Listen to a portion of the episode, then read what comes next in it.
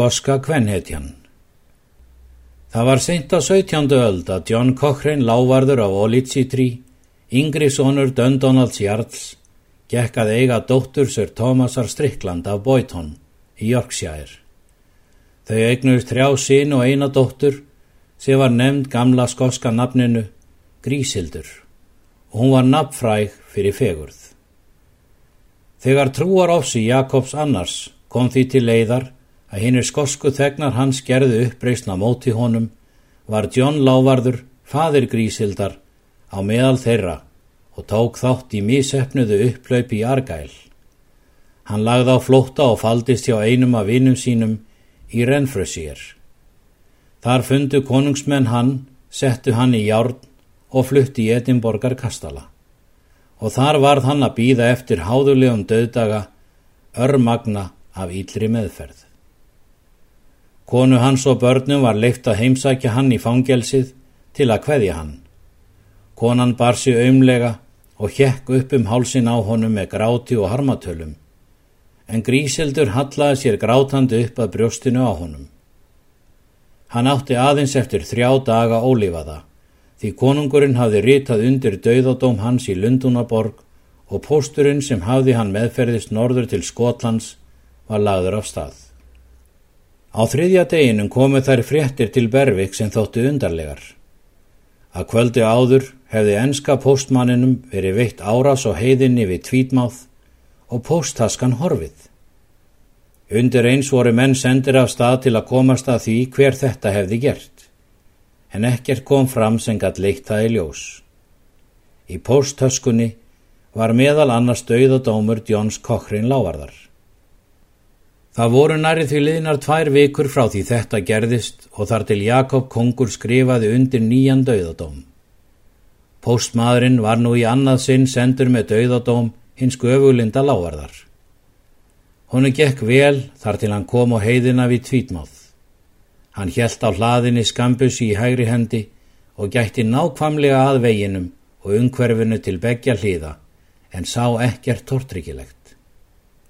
Tunglið óði í skýjum og varpaði draugalegum bjarma á hina óbyggðu stóru heiði, svo að sér hver kirkingslegur viðarunnur síndist tilsýndar eins og menn. Honum fannst þögnin og einveran vera eitthvað svo geifanleg. Rétt í því begði hann fram hjá nokkrum viðarunnum og í sama vetfangi var skoti úr skambissu svo nálagt höfðinu á hestinum að eldglæringarnar þutum nasirnar á honum. Við það fældist hann, prjónaði og varpaði manninum af sér og áður en hann gætt átta sig stóð maður ofan á bringspölunum á honum. Þetta skipti engum tógum. Ræningin kvarf aftur. Póstmaðurinn stóð upp en pósthaskan var horfin öðru sinni og í henni var önnur útgáfa að dauðadómi Jóns Kokrin lávarðar. Á ný urðu allir hamslausir í Bervits þegar ófarir enska postins fréttust hangað, en allar leitir urðu árangur slausar.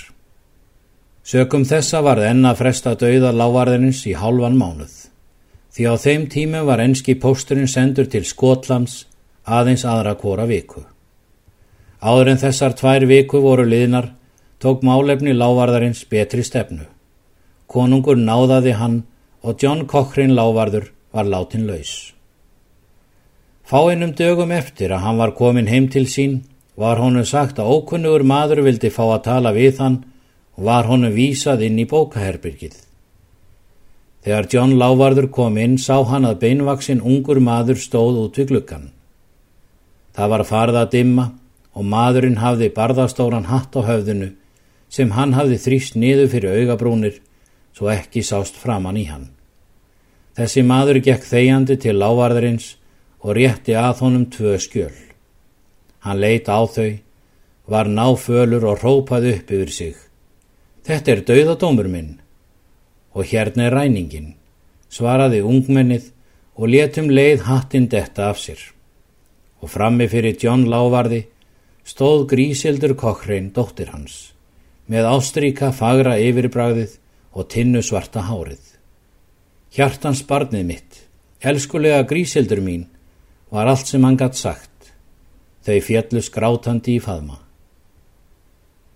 John Cochrane lávarður af Ólitsi trí var setna jarl af Dundonald og hinn fagra og hugdjarfa dóttir hans giftist John Kerr lávarði af Morinton í Berkvirksjær, nafnkunnu guðumenni. Hversu sætt hefur lávarðurinn ekki hlota að vera að eiga aðra eins konu og börn þeirra að því að eiga aðra eins móður. Þegar hún stitti þeim laungu vetrarkvöldin með því að segja þeim gömlu söguna um hvernig hún frelsaði líf föður síns með því að ræna tvísvar pósthöskunni á heiðinni við tvítmáð. Byggt á gamalli frásögn úr rítinu dvöl sem útgeði var af Torfildi Holm.